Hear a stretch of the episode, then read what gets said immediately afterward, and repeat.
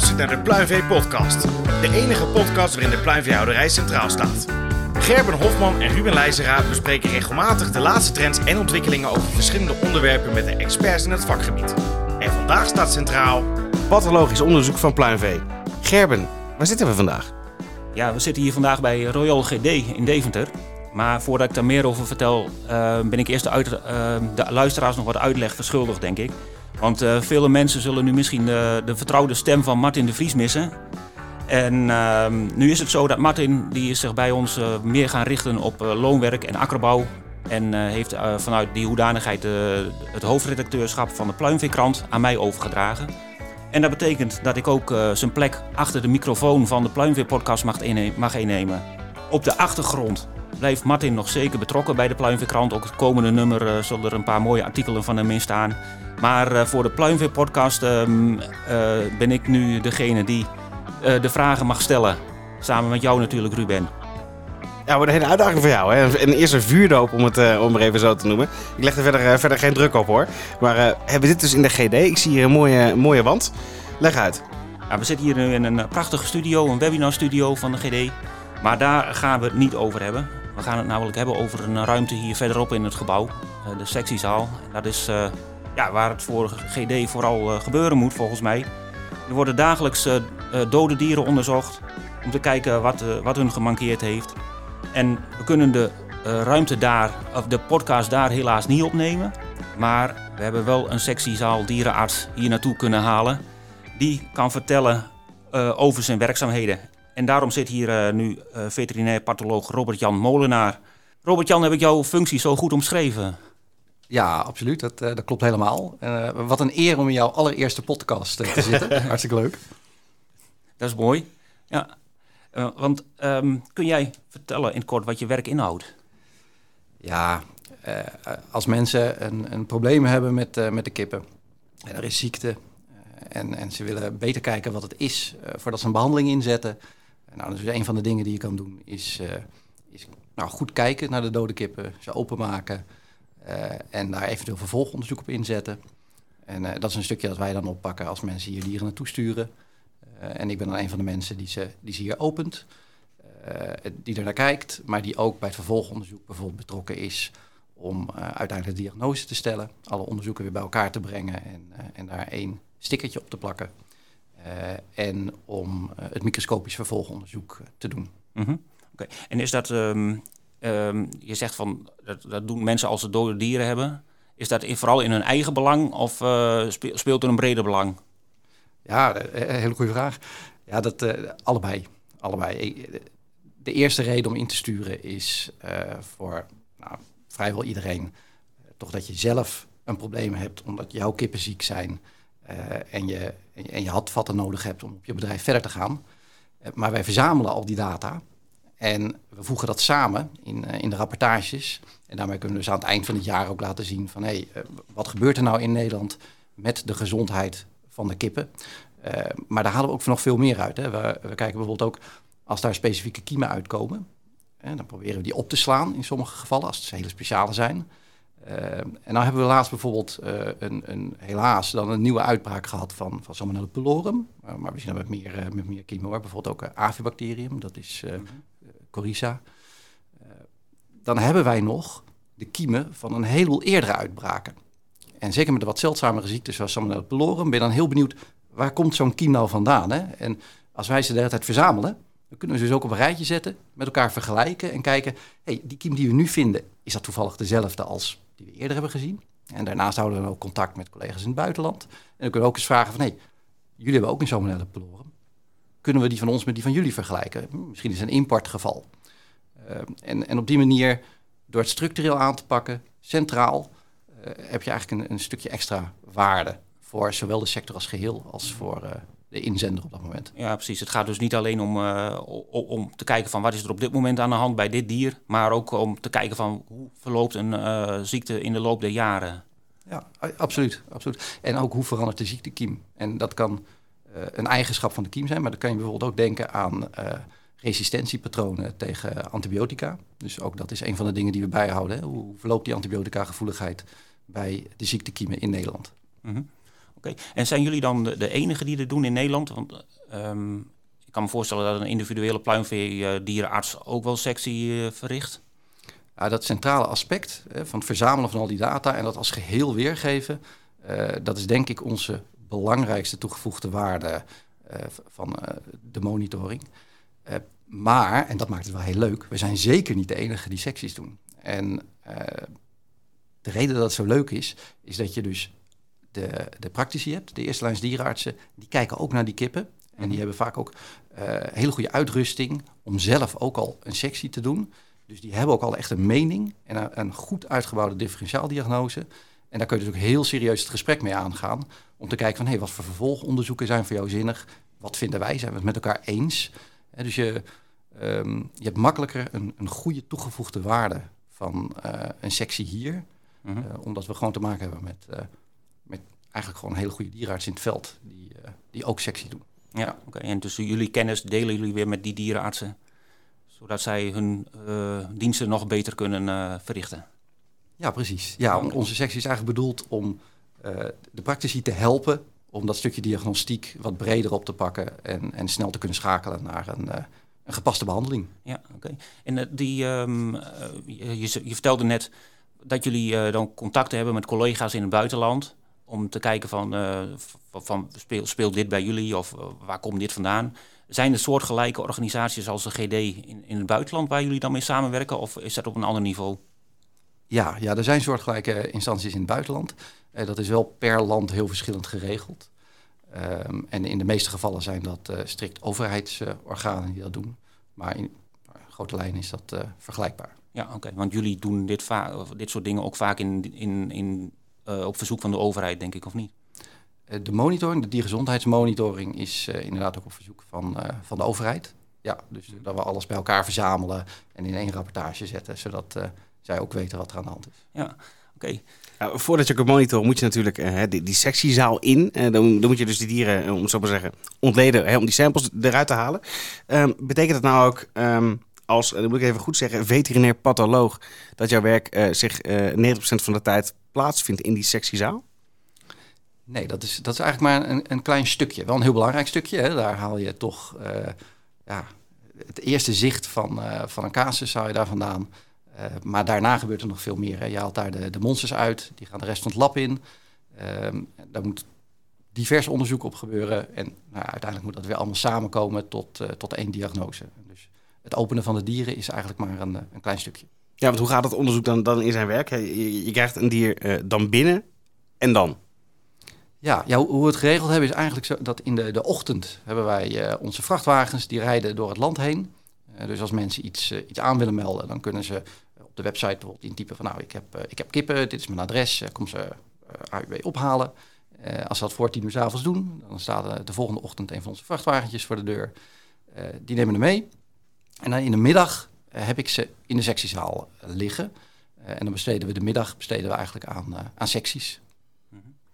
En dan kun je dus zeg maar de, in, aan het eind van de middag kun je al een eerste uh, diagnose geven. Ja, precies, precies. Dus aan het eind van de dag uh, krijgen mensen een, uh, een uitslag waarop staat wat wij met de ogen hebben kunnen zien. Ja. en dat kan een belangrijke eerste indruk geven. maar we merken wel dat de meeste gevallen die wij uh, doorgestuurd krijgen, uh, dat zijn toch uh, wat complexere gevallen waar vaak meer dan één ziekteprobleem aan de grondslag mhm. ligt, die dan samenwerken. en dan, dan is wat je met je blote ogen kan zien, is wel heel oppervlakkig. En dan hebben we echt het vervolgonderzoek nodig om uiteindelijk de echte diagnose te hebben. Oh, oké. En dat vervolgonderzoek, hoe lang neemt dat ja, normaliter? Um, hoe, hoe, lang duurt dat normaliter? Of is er eigenlijk geen, geen vaste termijn op te plakken? Geen vaste termijn, eh, nee, nee, nee. Maar uh, we hebben een heel aantal uh, PCR-testen die uh, nou, bij de huidige manier van, van diagnostiek toch wel erg belangrijk zijn. die kunnen we al met een dag bekend hebben. Dus dan zit je er vrij snel bovenop. Een bacteriële kweek, nou, dan moet je aan zo'n twee dagen denken. En dat hangt een beetje van de bacterie af. als die langzaam groeit, ja, dan kunnen we doen wat we willen, maar dan gaat hij niet sneller. en microscopisch vervolgonderzoek, ja, dat, dat duurt nog een, een stukje langer. En dan kan het zijn dat er speciale onderzoeken nodig zijn. Ja, en dan, uh, dan, dan duurt het echt lang. Maar dan, dan zit je vaak al te denken aan dingen die vooral sectoraal van belang zijn. Mhm. En die niet zozeer van impact zijn op, ehm, op het bedrijf zelf. Hè. Bijvoorbeeld wat we eerder zeiden, als je kiemen met elkaar wil gaan vergelijken met speciale methodes. Ja, dat is geen routineonderzoek. Uh, en dat, uh, dat duurt aanzienlijk Ja. langer. Oké. Ik wil nog even terug hè, naar, die, naar, die, naar die sectietafel. Hè, want je krijgt dan een kip binnen. Ehm, eh, hoe weet je waar je naar kijken moet? Waar kijk je als eerste naar? Ja, als, als we de kippen binnenkrijgen, eh, uiteraard eerst naar de, naar de buitenkant voordat ze open gaan. Ja. Eh, maar uiteindelijk bekijk je echt alles van zo'n kip. Dus het is niet dat mensen hem insturen en ze zeggen, nou, het zijn luchtwegproblemen. En dat wij dan alleen maar naar de luchtwegen kijken. Nee, we kijken altijd naar het complete dier met, met alle organen. En dat lopen we gewoon systematisch lopen we dat af. Het is wel zo dat we, wat we dan bemonsteren eh, voor, voor het vervolgonderzoek, dat is heel erg gericht op wat voor problemen heeft de veehouder. En uh, dat is natuurlijk ook heel belangrijk, uh, dat, dat ze daar dan rekening mee houden met, uh, met het insturen en met het beschrijven van het probleem. Mm -hmm. Dus we gaan niet alleen kijken, wat heeft deze kip? We willen eigenlijk kijken, wat voor probleem speelt er in de stal? En daar willen we ons op focussen, want dat is het probleem dat opgelost moet worden. De kip die wij krijgen, is, die is toch al dood. Ja, precies. Dus je haalt de hele kip wel uit elkaar, maar om uh, de vervolgonderzoeken goed in te kunnen zetten, kijk je wel van wat, wat, wat is de problematiek die uh, omschreven is door de, door de veehouder. Ja, ja absoluut. Oké. Okay. Ja. En komen er soms verrassende uitslagen uit? Ja, uh, verrassende uitslagen in die zin, heel af en toe vind je iets nieuws. Um, dat is natuurlijk, ja, dat is toch een, een zeldzaamheid. de verrassing zit er maar toch vaak in dat je op het eerste zicht een bepaald beeld bij iets hebt en, en dat het allemaal heel anders, uh, anders uit blijkt te pakken uit, uit de kweek. Uh, ja, dan is altijd de vraag van, hey, ben ik nou verrast omdat de natuur zo spannend in elkaar zit of heb ik een inschattingsfout gemaakt? Dus dat is een, dat is een continu leerproces. Ja. Dat houdt het, ook, ook interessant. Ja, ja, precies. Heb je een voorbeeld van, dan? Van, van iets wat totaal anders uitpakt dan je, dan je verwacht had? Uh, nou, uit, uit de kweek van, uh, van sommige gevallen met, met acute sterfte uh, komen soms wat, wat verrassende dingen. En op dit moment is het natuurlijk heel actueel dat we helaas heel veel vogelgriepgevallen hebben. Eh, en daar zien we bijvoorbeeld ook bij dat, dat er soms een melding is waarbij we denken, nou, dat ziet er niet lekker uit. En dan valt de PCR toch mee en dan is het geen vogelgriep. En dan moet je gaan zoeken naar wat het dan wel is. Nou, dan, dat is ook iets waar waar wij dan een rol in spelen. Mensen sturen dan vaak uh, dieren op voor sectie. Mhm. Mm -hmm. uh, maar ja, dan, uh, dan zit je toch eigenlijk al iets te kijken waarvan je iets anders had verwacht. Ja, precies. Nou, in dit geval met die vogelgriep kan ik me voorstellen dat, dat je blij bent dat het iets anders is. Absoluut. Ja. ja. Oké. Okay. Um, we zitten hier nu in deze kamer. maar als we nu die sectiezaal in zouden lopen, kun je beschrijven wat we dan zouden zien? Hoe ziet dat er ongeveer uit daar? Ja, ik, nou, misschien dat een deel van de luisteraars dat, uh, dat ook al wel gezien heeft. Want als je bij ons kippen uh, langs komt brengen, dan, uh, dan hebben we een grote glazen wand. En daar kijk je gewoon recht naar binnen. en dat ziet er misschien in eerste instantie niet zo spannend uit. Hè? Dat zijn grote tafels waar we de sectie aan doen. En dat is een ruimte met, met tegels en een gietvloer. Zodat die zeer goed gereinigd en gedesinfecteerd kan worden. Mm -hmm. Je moet eigenlijk na elke sectie kleinschalig reinigen en desinfecteren. En aan het eind van elke dag de hele zaal. Uh, zodat er zeker geen spreiding van kiemen tussen secties is. Zodat we geen verkeerde diagnoses uh, uh, op dingen plakken. wat de, de zaal, wat mij betreft, specialer maakt, is dat er ook links zitten naar de rest van het laboratorium. Hè. Zo hebben we de mogelijkheid om via een speciaal luik, doorgeefluik, in, die, in dat doorgeefluik zit eigenlijk ingebouwd een soort koelkast. Daar kunnen we monsters in zetten. En aan de andere kant zit een speciale endkamer. En daar zitten mensen, de analisten van bacteriologie. En die komen dan in die endkamer, dat is een speciale afgesloten ruimte ook weer.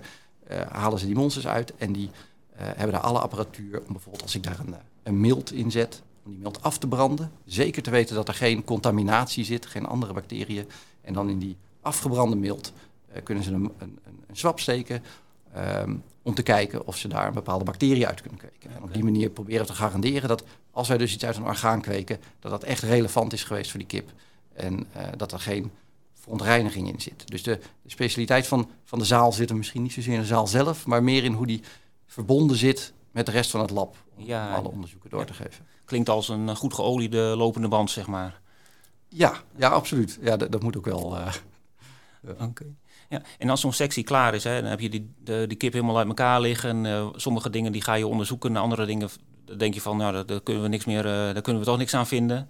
Um, wat, wat gebeurt er dan? Uh, gaat, wordt het materiaal vernietigd of hebben jullie nog andere functie ervoor? Nee, dat gaat, daar gaat de destructie in en dat, dat gebeurt op een weer heel goed georganiseerde manier, zodat we zeker weten dat er geen nare kiemen in de omgeving terechtkomen. Want we zien onszelf in de sectiezaal toch een beetje als uh, de verzamelput van de meest nare ziektes in Nederland. Ik ga ervan uit dat als iemand een echt heel vervelende ziekte heeft, dat hij bij ons terechtkomt. Mm -hmm. uh, dat betekent dus ook dat als ik zelf de sectiezaal uitga uh, en alle collega's die daar binnen zijn, dat het ook verplicht douchen is. als we in de sectiezaal staan, staan we daar ook met kleren die in de sectiezaal blijven. Die gaan daar in een speciale wasmand. Die worden ook apart afgevoerd en die worden op een hele hoge temperatuur gewassen. Ehm, voordat ik weer in mijn eigen kleren stap aan de andere kant van de douche. Ja. Oké. Okay. Ja. En waar ik nog wel bij dit domein is, um, zijn er nou uh, anno 2022 ook bepaalde, ja dat klinkt misschien heel gek, trends en ontwikkelingen in um, ja, dierziektes te herkennen op dit moment? Of is dat een, een, een, iets wat eigenlijk een standaard is? Dat je eens in de zoveel jaar een bepaalde bacterie zo erop ziet komen, of bepaalde virussen weer een opmars ziet maken? Ja, ik zou zeggen, eh, voor mijn werk, eh, gelukkig zijn er continu nieuwe trends. Uh, ja, nee, dat is. Uh, geen jaar is hetzelfde. Ja, ja, de, kippen zijn wel elk jaar hetzelfde, maar de ziektes, dat verandert continu. en dat hoeft niet altijd zo te lijken. Hè. Dus de, de voor de ziektes veranderen misschien niet eens zo heel veel. Maar de incidentie van de verschillende ziektekiemen verandert uiteraard. En binnen de ziektekiemen zien we verschillen in stammen ontstaan. Hè? Dus wat iedereen ondertussen wel kent van, uh, van COVID. Dat je dan opeens, de Omicron uh, werd weer populair en die staat dan in de krant. Nou, bij kip hebben we ook een coronavirus, dat is het IB-virus. Uh, en een van onze taken al, jaren is bijhouden welke stammen op dit moment relevant zijn. Um, en dat, dat verschuift continu. En dat heeft een hele grote impact op welke vaccinatieschema's je zou moeten gebruiken voor Nederlands pluimvee. Dus dat is ook belangrijk om bij te houden. En af en toe zie je dus ook nieuwe stammen ontstaan. En dat is voor de verschillende ziektekiemen, maar bijvoorbeeld voor IB als voorbeeld te nemen. Uh, als er dan zo'n belangrijke nieuwe stam is, en uh, in de afgelopen paar jaar hebben we zo'n nieuwe stam gezien in Nederland, die nu de toonaangevende stam zelfs is geworden bij, bij leghennen. dan is het ook onze taak om te kijken van hey, hoe ziekteverwekkend is die nu? zou dat bijvoorbeeld hele grote problemen kunnen geven bij hele jonge dieren? Dan zou je de oude dieren moeten enten om bescherming via het ei al mee te geven. Uh, of, of, is dat pas op latere leeftijd belangrijk? Of is hij misschien helemaal niet zo belangrijk? Uh, nou, dus daar komt ook een stukje uh, onderzoek achter vandaan. Ja. En, en als jullie dat soort, dat soort zaken hebben vastgelegd, en geresulteerd vastgelegd, gerapporteerd, ehm, komt dat dan ook weer terug bij de pleinveehouder in een bepaald soort toolkit of tips om bijvoorbeeld weer insleep te kunnen voorkomen of om met een soort plan van aanpak te komen om dit soort zaken tegen te gaan? Ja, absoluut. Ja, ja, ja dat, dat communiceren we heel breed. Ehm, vaak merken we wel dat, dat uh, vooral gericht is op de dierenartsen, die bijvoorbeeld moeten beslissen welke vaccinatieschema's, zoals bij de IB, dan zinnig zouden kunnen zijn. Ja. Okay. Dus je ziet eigenlijk, je ziet de, de, de stammen zie je komen en gaan, om het zo maar te zeggen. Ja, inderdaad. Ja. Okay. Ja. En wat, me, wat me zo te binnen schoot, hè, um, zijn jullie dagelijks um, um, be bezig met secties of alleen op afroep? Of hoe moet ik het zien? Ja, ja we zijn elke werkdag uh, zijn we mee bezig, dus, dus vijf dagen per week. In het weekend, ja, in theorie zouden we voor een, een ernstig noodgeval aan de slag kunnen. maar door de manier waarop we werken, dat we dus eigenlijk praktici in het veld al zijn die, die de eerste secties doen. En wij vaak tweede lijns betrokken worden -hmm. bij een casus, ja, dan, dan heb je de grote spoed al gehad. Dus dat is ja, bij okay. ons minder, minder belangrijk. Dus je wordt niet s s'avonds gebeld van kun je nu naar de sectiezaal komen om, want we hebben een spoedgeval. Nee, dat gebeurt eigenlijk niet. Uitzonderingen als vogelgriep daar gelaten. Ja, daar ben ik wel benieuwd naar. Wat voor rol speelt sectieonderzoek um, binnen de diagnose van vogelgriep? Ja, ik zou zeggen een hele belangrijke. Uh, op, op dit moment hebben we helaas dus heel veel uh, uitbraken. En merk je dat mensen heel laagdrempelig, als ze denken van nou dit is mis, dan staat in een differentiaaldiagnose staat vogelgriep hoog. Dus dan wordt vrij snel wordt, de overheid ingeschakeld, de NVWA. Nou, dan komt een specialistenteam. Dan mogen wij ook geen dieren ontvangen op de sectiezaal. Dan mag niet gesleept worden met verdacht materiaal. Ja. Uh, vanzelfsprekend. Um, dan gaat er ook altijd een collega van de GD mee. Um, en dan kan op het bedrijf gekeken worden met eventueel een, een op locatie een stukje sectieonderzoek. of het beeld er al uitziet als vogelgriep. Maar het echte verlossende antwoord komt dan altijd van de PCR. Het, de swaps die op dat moment van de kippen genomen worden. in tijden dat het wat rustiger is, wordt eigenlijk de sectiezaal steeds belangrijker. Want je merkt dat als, als er bijna geen uitbraken van, van vogelgriep zijn, ja, als je dan een keer sterft in de stal hebt, dan is dat echt niet het eerste waar je aan denkt. En mhm. ook echt niet het eerste waar je aan moet denken. Tenzij het natuurlijk hele hoge uitval is. Ehm, en dan komen dieren al snel bij ons. En wat wij dan doen is al eh, heel laagdrempelig eigenlijk uitsluitingssaps voor je nemen. Dus ook in, in vredestijd mm kijken wij op basis van sectiebeeld. Dus denken we, nou, het zou ook AI kunnen zijn. We denken het niet, maar het zou ook kunnen. Dan nemen we toch swaps en die worden dan ook gecontroleerd op vogelgriep. En op die manier ben je dus ook in, in vredestijd voorbereid om snel die eerste detectie uh, te hebben. En dat is wel heel belangrijk. Ik vind het wel een mooi woord trouwens, vredestijd. Ja, als, als, in de oorlog tegen de vogelgriep die we toch, toch wel aan het voeren zijn. En we, we moeten er misschien een beetje om lachen, maar de situatie is gewoon, is gewoon nijpend op dit moment. Uh, actuele zaken. Maar waar, waar, waar, ik benieuwd naar ben, um, ik kan me voorstellen dat je best wel wat verrassende dingen kan tegenkomen in zo'n sectiezaal. Um, staat jou iets bij van het meest opvallende wat jij gezien hebt? Of, of een diagnose die ja, eigenlijk zo bijzonder was? Ja, oh ja, we, hebben regelmatig uh, bijzondere diagnoses. Dat heeft altijd wat dubbels. Hè? Want uh, wat dan voor de een heel vervelend is, uh, als het je dieren zijn, dat is dan, ja, als patholoog, is dat dan iets dat je dan heel, heel bijzonder vindt. Dus dat, dat, dat kan soms een beetje wringen. Ja. Um, degene die ik denk ik het bijzonderst vind, is, is niet eens een, een sectiebeeld dat heel spannend is. Uh, dat was een geval van uh, lintworm, maar dan een, een hele kleine lintworm. Uh, Davainia proglottinia heet die. Ja, ja. ja die... Hele bekende. Ja. Zeker. En, nou, maar de grap is, die was vroeger was die dus wel heel bekend.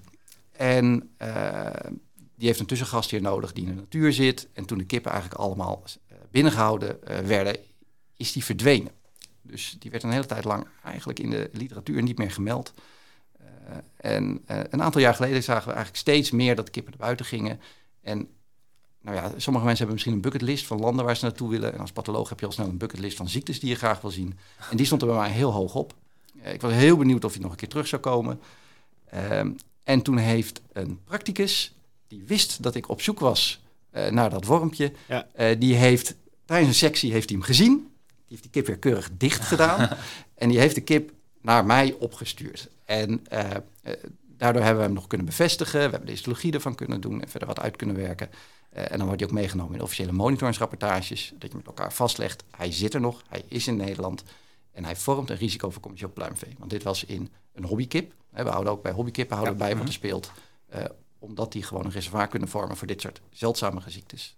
En, en, die dus een risico kunnen vormen. Wat ik daar nou zo speciaal aan vind, is niet eens zozeer uh, dat het uh, hoog op mijn bucketlist stond of dat die worm nou zo speciaal is. Maar dat een practicus dus de moeite heeft genomen om, uh, om zo'n dier op te sturen. Eigenlijk als een soort, ja, ik zie het op een vreemde manier als een soort cadeautje. Ja. Um, en dat geef ik wel aan. wij zeggen altijd, we doen die monitoring voor de sector en voor het veld. maar we zijn ook compleet afhankelijk van het veld. En wat mensen je gunnen uh, En wat ze je opsturen. En uh, ja, als dat goed werkt, dat is, uh, dat is mooi. Maar, maar, vind je dan ook dat, uh, dat er genoeg materiaal wordt opgestuurd? Of, of heb je nog zoiets van, nou, dat, dat mag misschien toch nog wel vaker? Ja, dat is mijn eigen. Het mag zeker vaker. ja, het mag, mag veel meer. maar nee, absoluut. Wat we nu binnenkrijgen, dat stelt ons in staat om aan het eind van het jaar heel mooi weer te geven wat er speelt in Nederland. En ik heb ook het idee dat we tot nu toe, als er iets heel bijzonders is, dat we daar ook op tijd inzendingen van hebben, op tijd materiaal van kunnen opslaan en uh, de juiste partijen kunnen waarschuwen als dat nodig is.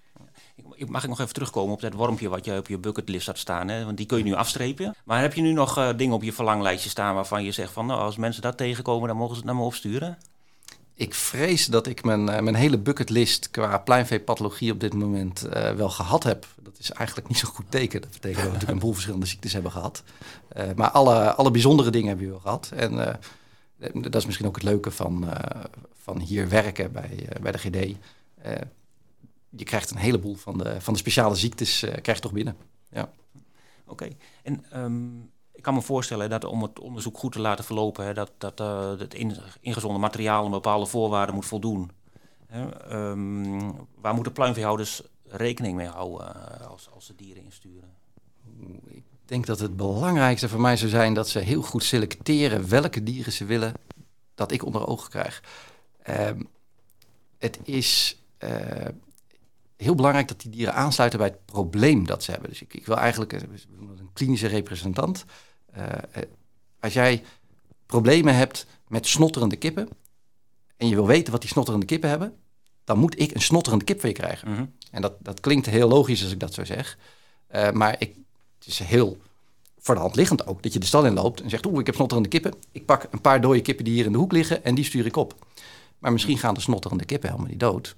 En gaan er toevallig een paar dieren dood met een andere ziekte. Want als je 20.000 kippen in de stal hebt, dan zitten daar echt wel meer dan één ziekte in. Alleen die zijn echt niet allemaal belangrijk. Hè. De kippen kunnen op de achtergrond gewoon af en toe wel iets hebben. Uh, dat voor de rest van het koppel niet zo belangrijk is. Ja, als ik daar helemaal op los ga met uh, de diagnostiek, dan krijg je een hele spannende diagnose van me. Die helemaal niet handig is voor de aanpak in je stal. Je moet weten, voor mijn hoofdprobleem, wat is dat en wat kan ik daarmee gaan doen? En dan moet je kippen opsturen die passen bij dat hoofdprobleem. Ja. En soms betekent dat, als ze snotteren, dat je dus levende dieren uh, in moet sturen. En dan komt natuurlijk nog een ander uh, probleem om de hoek. Hoe stuur je levende dieren in? De, de, vrachtwagens uh, van ons die rondrijden, die zijn allemaal voorzien van de juiste apparatuur om het klimaat binnen goed te houden. Hè, de temperatuur en de zuurstof. maar dat moet ook in de doos komen waar je de kip in hebt. dus dat houdt in niet te veel kippen in een doos en goede luchtgaten erin maken. En ook dat, klinkt ontzettend vanzelfsprekend. Maar als je gehaast bent s ochtends en je pakt snel even een paar dieren, je zou het zomaar over het hoofd kunnen zien. Dat is natuurlijk echt niet de bedoeling. Dus uh, lekker grote luchtgaten erin maken. Die dieren ontsnappen echt niet. En uh, okay. goed ruimte geven. Ja, maar je hebt ze het liefst levend dan hier binnen nog? Dus... Afhankelijk van het probleem. Als het probleem is verhoogde sterfte, dan wil ik graag de dieren die gestorven zijn. Ja, dat is vanzelfsprekend, ja. ja. Oké. En uh, zijn er nog andere uh, zaken waar pluimveehouders rekening mee moeten houden met insturen?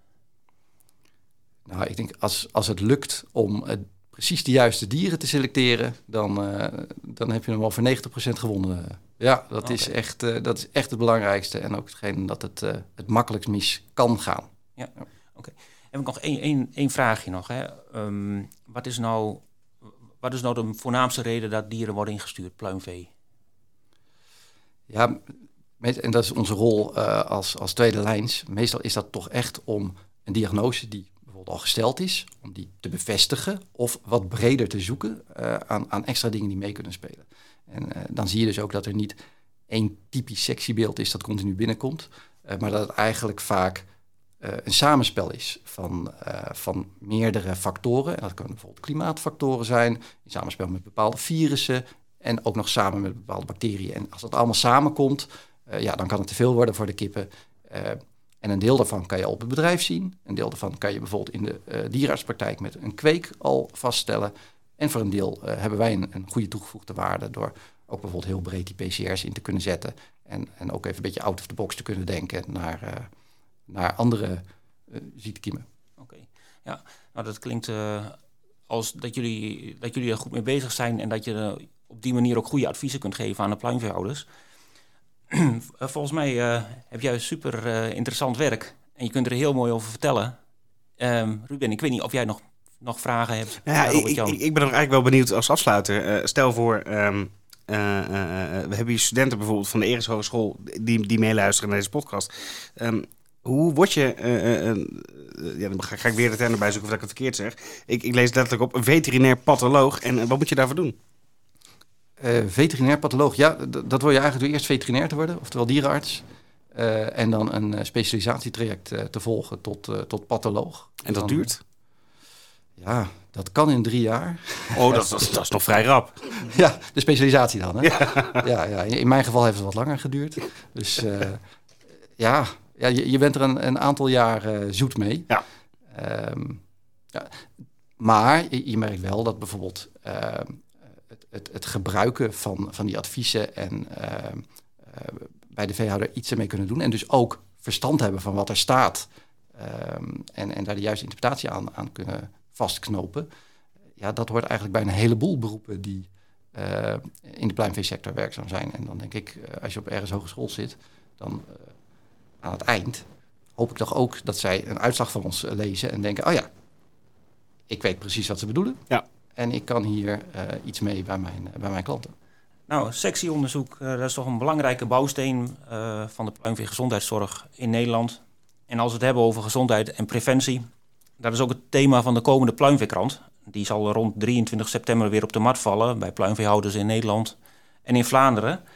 En daarin hebben we natuurlijk ook weer interessante artikelen, interviews en reportages. Ja, heb, je, uh, heb je nog een tipje van de sluier van wat er ongeveer in staat? Een uh, verhaal wat jou heeft gegrepen? We gaan het hebben over uh, coccidiose. We hebben een interessante reportage ook bij een pluimveehouder... die ook er alles aan doet om zijn dieren gezond te houden. Een verhaal over een toekomstgerichte pluimveehouder... die doet ook aan natuurbeheer. Dus dat kon allemaal wel eens interessant worden. Daar kunnen, daar kunnen de lezers uh, zich helemaal op uitleven vanaf uh, 23 september. Ja, dus op de mat bij iedere pluimveehouder in Nederland. Ja. Robert-Jan, ik wil jou hartelijk bedanken voor je tijd en voor je uitleg. Uh, wij vonden het bijzonder interessant. Hopelijk onze luisteraars ook. Ik kan me niks anders voorstellen. Het is een mooi vak. Mooi werk. Belangrijk werk natuurlijk wat de GD doet. Um, maar dat betekent wel dat we op dit moment aan het einde zijn gekomen van deze Pluimvee-podcast. En zoals Gerber net aankondigde, rond 23 september valt een nieuwe editie van die mooie krant op de mat. Maar wilt u nou dagelijks op de hoogte blijven van het laatste nieuws, de belangrijkste ontwikkelingen en trends in de pluimveesector? Meld u dan gratis aan voor onze e-mailnieuwsbrief. Dat kan op pluimveebedrijf.nl of op pluimveebedrijf.be. En daar hebben we ook nog een Instagram-pagina die volop gebruikt wordt. Dus uh, vergeet vooral niet de website te bekijken en uh, volg ons om altijd op de hoogte te zijn van de actualiteit.